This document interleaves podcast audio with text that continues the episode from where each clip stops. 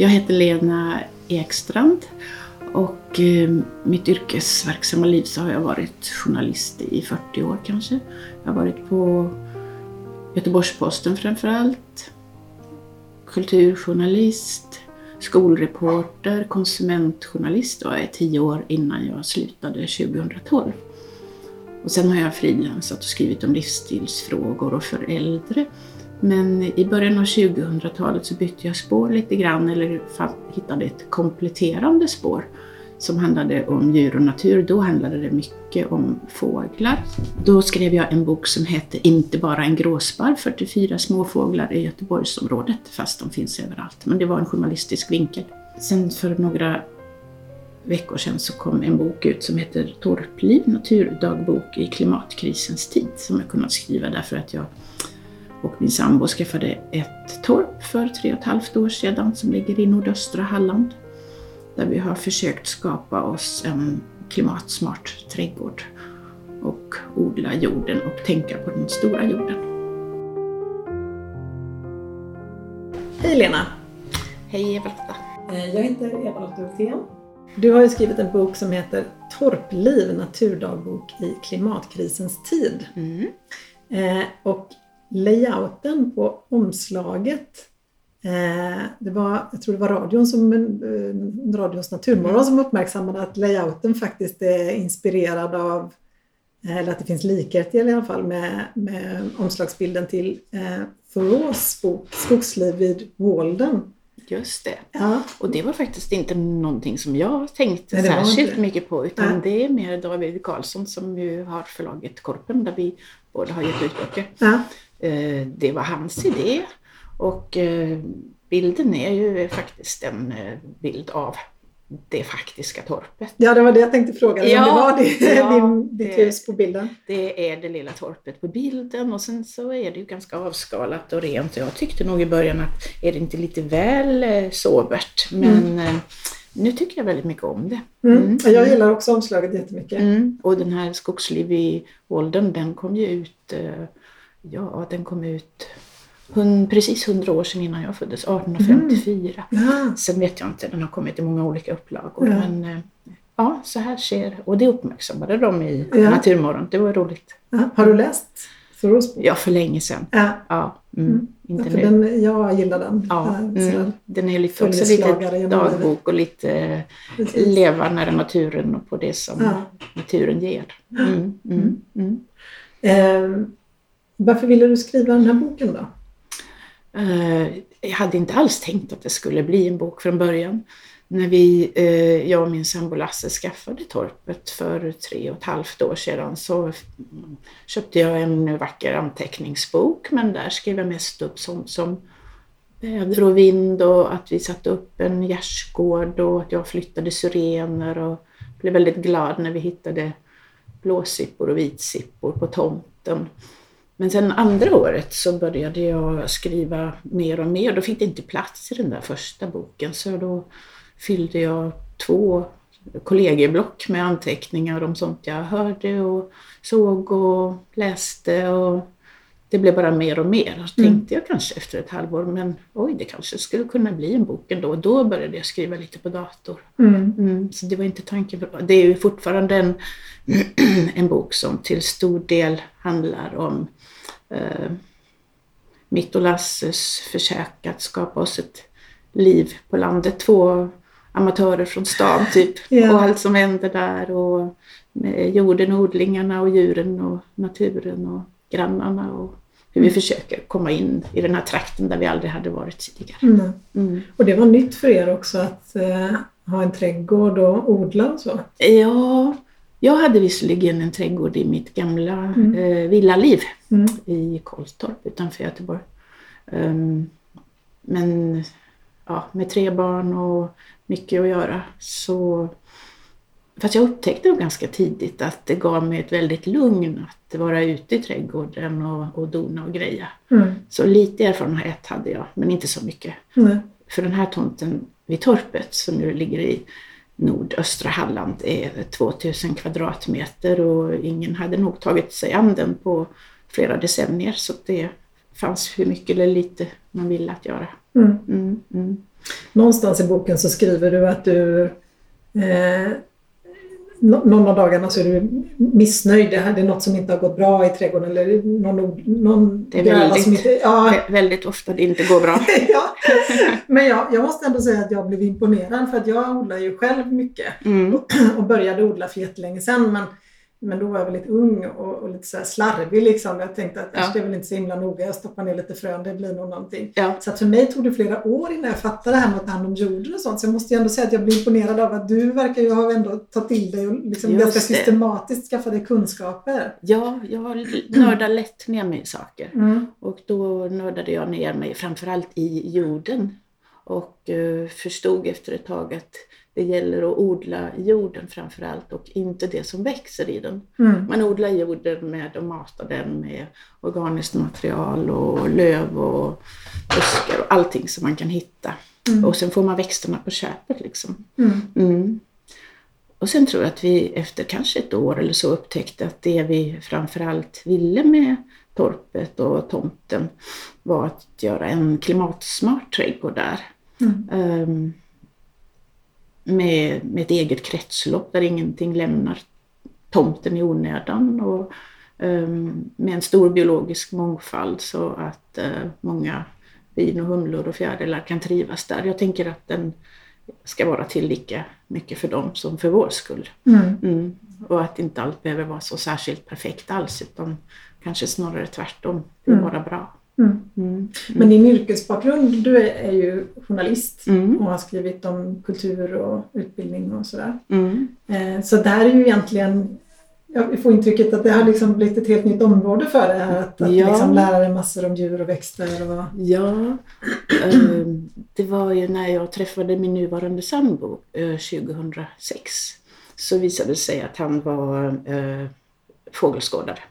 Och då började vi resa runt och titta väldigt mycket på fåglar och jag blev eh, förstås då oerhört intresserad av fåglar. Mm. Och ehm, så skrev jag en bok till slut som eh, är lite grann eh, en fågelbok för nybörjare. Kanske en sån som jag hade velat läsa när jag själv började som är lite mer personlig och så. Mm. Så det har väl varit ungefär samma läroprocess här. Mm. Eh, Så det där året som jag skrev dagbok så intensivt så läste jag bara om eh, klimatsmarta trädgårdar och odling och jord och eh, maskar. Och eftersom jag gillar folkbildning väldigt mycket så har jag försökt smyga in en del Mm. eh, fakta om, fast på ett lättsamt sätt, om mm, ekens historia eller vedeldning Ja. eller nyttan av maskar eller vad det kan vara. Ja, det där gillade jag. Ja, Tyckte ja. väldigt mycket om det. Ja, vad roligt. Mm. Mm, mm. Eh, sen, det är ju liksom, din bok är ju verkligen alltså, pendlandet mellan den lilla världen Mm. som är din trädgård, Mm. tor- torpet och din trädgård. Mm. Och kanske några meter utanför tomtgränsen ibland. Men, Ja, eh, och så de här stora frågorna. Dels, den, alltså boken utspelar ju sig, sig under eh, pandemi, mm, värsta pandemiåret kan man väl säga. mm, Eh, så att det är två kriser då, klimatkrisen och coronakrisen. Så du skiftar ju liksom mellan att vara mer i jorden och att vara uppe i ja det, den, klimatsystemen. det är Liksom. den stora jorden och den lilla. Ja, Mm. precis. Mm, Eh, och det där är ju sånt som jag tänker mycket också på. Eller just den här, alltså man går där och påtar i sin jord och kan vara nöjd och glad och se att det växer Ja.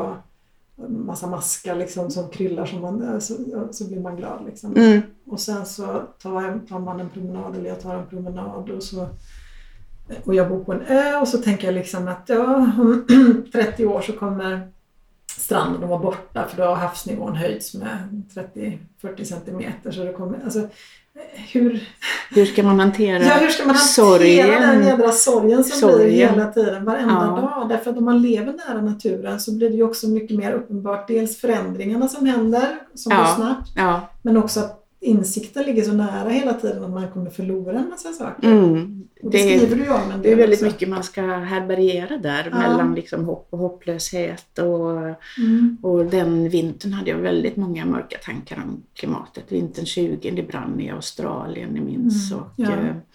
Um, och sen kom ju pandemin som gjorde att vi gick i någon slags ofrivillig fast uh, ovanligt uh, trivsam exil där. Mm. Um, uh, sen tänkte jag väl att det, det, man kan försöka odla sitt hopp också, ett hopp trots allt. Ja. Ja, att det är okej med oro men kanske inte med förtvivlan och uppgivenhet. Mm. Um, mm, det är ju liksom, hur ska man göra för att um, sorgen och vemodet och våndan över att världen som vi känner den kanske håller på att försvinna. Mm. Um, Samtidigt som världen är så sam- vacker. Samtidigt som den är Ja. så och, vacker och magisk. Mm. Ehm, Men det är Fast någonting som du... Sen försökte jag, jag hitta något mer slags konstruktivt förhållningssätt. Att ehm, ja, man kan acceptera att loppet kanske är kört, men under tiden så får vi försöka göra så gott vi kan, det lilla vi kan. Mm. Och så får det helt enkelt gå som det går med allting. Mm. Att man, jag vill inte slösa bort mitt liv med att gå med en stor klump i magen hela tiden. Mm. Utan, och en klimatsmart livsstil är ju inte heller någon uppoffring, behöver inte vara en börda utan kan vara någonting som ger eh, mening och energi. Mm. Det är två ord som jag försöker ta fasta på Mm. där i boken. Alltså leta efter de ställena som ger mening och energi. Mm. Mm. Och för dig har det hängt ihop med odlandet? Och... Ja, eh, och också med själva skrivprocessen tror jag att skrivandet, vad är det det heter, de här tre benen ni vet, eh, biffen, bilen, bostaden. Ja, Ja, och då läste jag någonstans att nu finns det ett till ben, nämligen berätta. det. Mm. Berätta, tala om det, Mm. Eh, försök samarbeta, hitta, hitta sätt och, och Ja. prata om det. Mm. Så mm. Och ditt sätt att berätta är med boken? ja, det har det varit lite Ja. grann. Och så, För samtidigt så har du ju lite så svårigheter med hur du ska hantera närmsta, liksom, närmsta kretsen. Hur, hur absolut. mycket ska man liksom säga till Absolut. andra? Hur ska man Och mina sig? söner är ute och flyger hela tiden Ja. och jag har väldigt svårt att, att hantera det. Och, Mm. och istället så säger jag mest, men vad trevligt för er. Mm. Mm, det måste varit oerhört spännande att komma till Bali eller Ja. vad det nu var. Mm, mm. Där har jag, det där har jag brottats med, just det där hur, hur man ska förhålla sig när folk berättar saker som är så tokiga. Ja, Så att jag har faktiskt som princip nu att jag säger inte, jag frågar inte om folk har sagt att de har varit på semester så säger jag ingenting. Nej. Jag bara börjar prata om något annat. ja. Mm. Om jag inte vet att de har åkt på något annat sätt än med, med flyg. Men om jag vet att folk har flugit så, så, och de berättar att de har varit ute så säger jag bara ja, så. Sen pratar jag om något annat. ja, och det är ju en markering också. Precis, som Mm. jag hoppas går fram. Ja, jag har inte precis. klagat på vad du gör men jag, jag vill inte, ah, jag vill inte Nej, höra. jag vill inte höra. Så att, Nej. eh, Mm. det där tycker jag är jättesvårt men, men på något sätt så... Du skriver ju också i boken att du, eh, och du sa det nu också just det här att, engagera sig och göra saker som känns meningsfulla, att försöka hitta Ja. mening. Mm. Och du skriver i boken att du är sugen på att gå med i Extinction Rebellion. Mm. Har du gjort det sen? Nej, där har jag inte Nej. gått med ännu. Nu har det där tagit ganska mycket tid där med boken. Men jag Mm. tänker väl kanske snarare det här flygfritt, eller vi håller oss på jorden Ja. och så. Mm. Att det kanske får bli min grej. Mm. Mm. Ehm, Det sympatiserar jag mycket med. Och det är ju också ett väldigt utmanande ämne. Så mm, lära sig prata om det. Ja, precis. Och på ett på sätt just som nu. inte...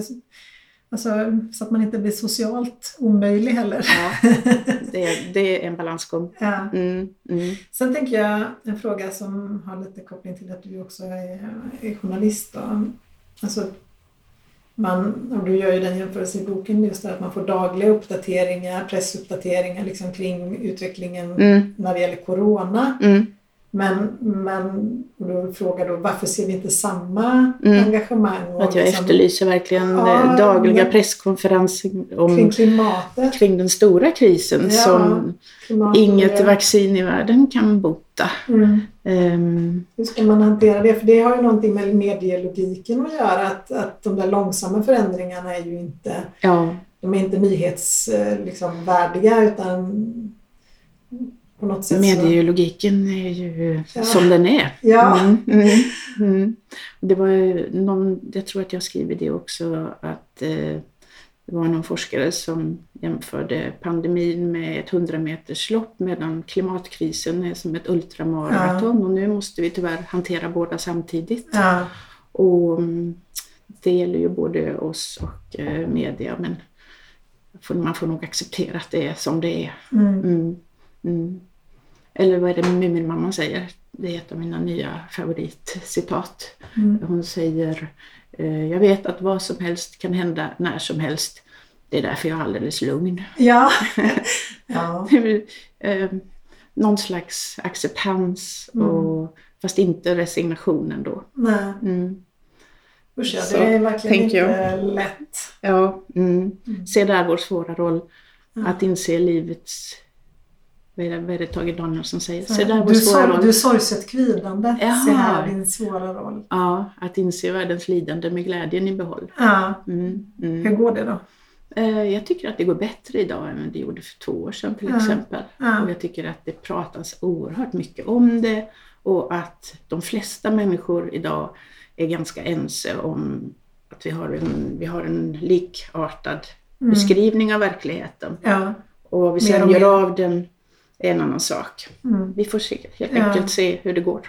Mm. Sen funderar jag också på om det här med att man levde i, med Corona och man var lite avskärmad från omvärlden. Mm. Och lite sådär också, Mm. det påverkade ens, ens liksom känsloliv. Så att mm, vad heter det, klimatkrisen och, och artutdöendet blev liksom också ja, mycket... Du skriver någonstans i boken så fint om det här med att din sköld mot omvärlden var liksom... Ja. Den fanns inte. Så du, Nej, då det är som inte av att läsa vissa saker. nej. Det var som att alla eh, pilar gick rätt in Ja. istället för att vändas ut. Man blev för Med den där, man blir för... mottaglig. Mm, mm. Ja, det tycker jag att jag fortfarande är. Ja. Ganska skör när det Ja. gäller intryck. Så att kanske gäller att, att färma av sig lite grann. Mm. Mm, mm. Och så skriver du också om hur du, du skriver att du letar efter tecken.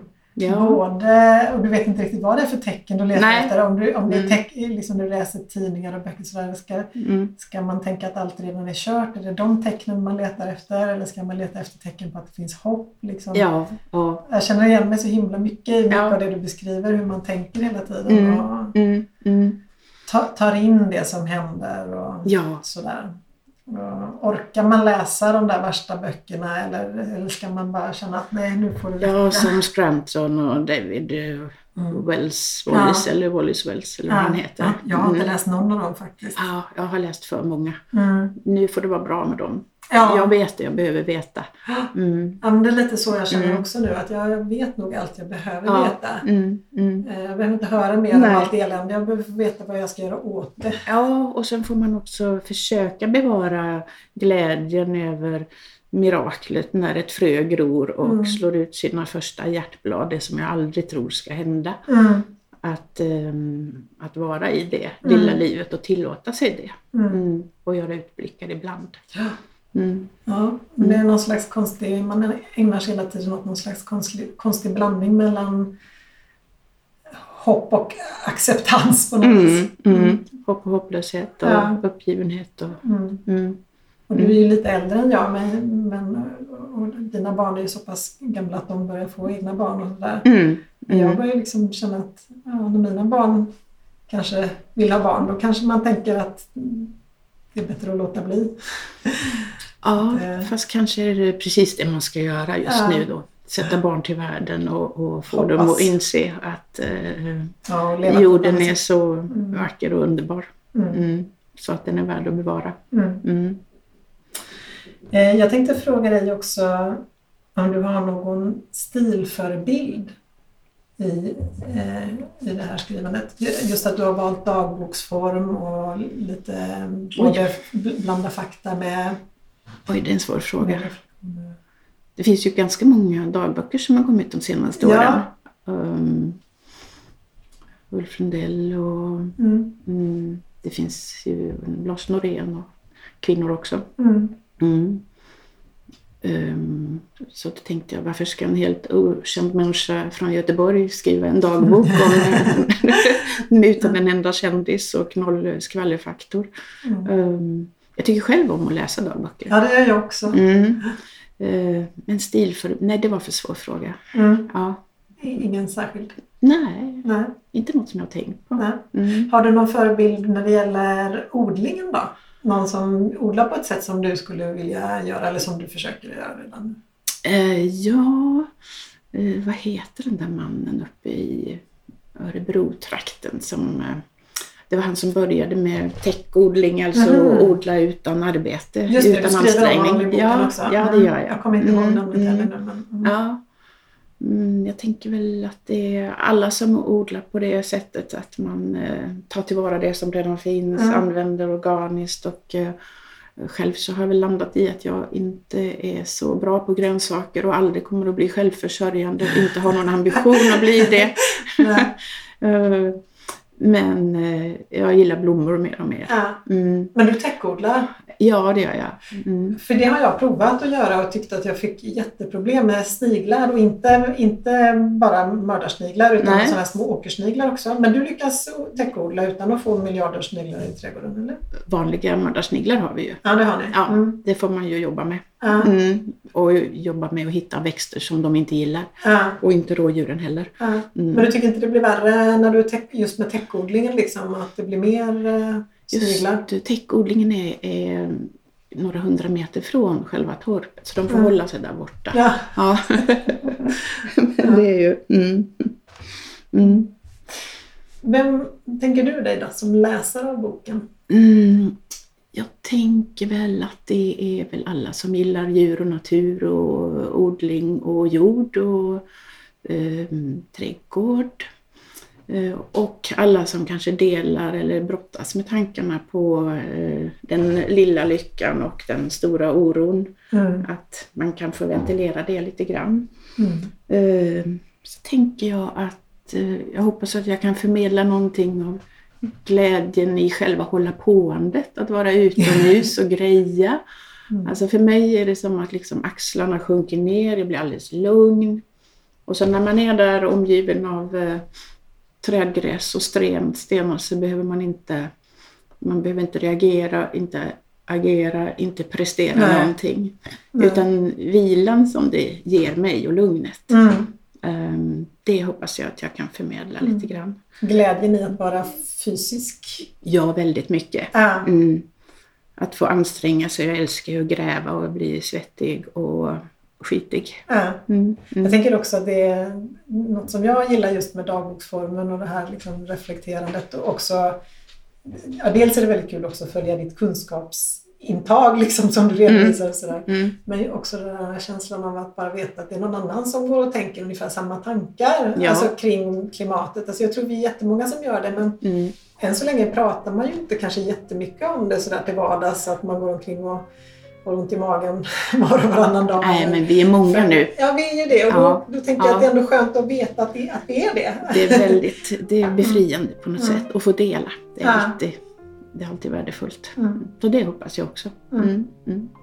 Är det någonting som du tycker att jag borde ha frågat dig om som jag inte har tagit upp? Något du vill skicka med eller säga? Mm. Jag tycker att du har ställt jättebra frågor.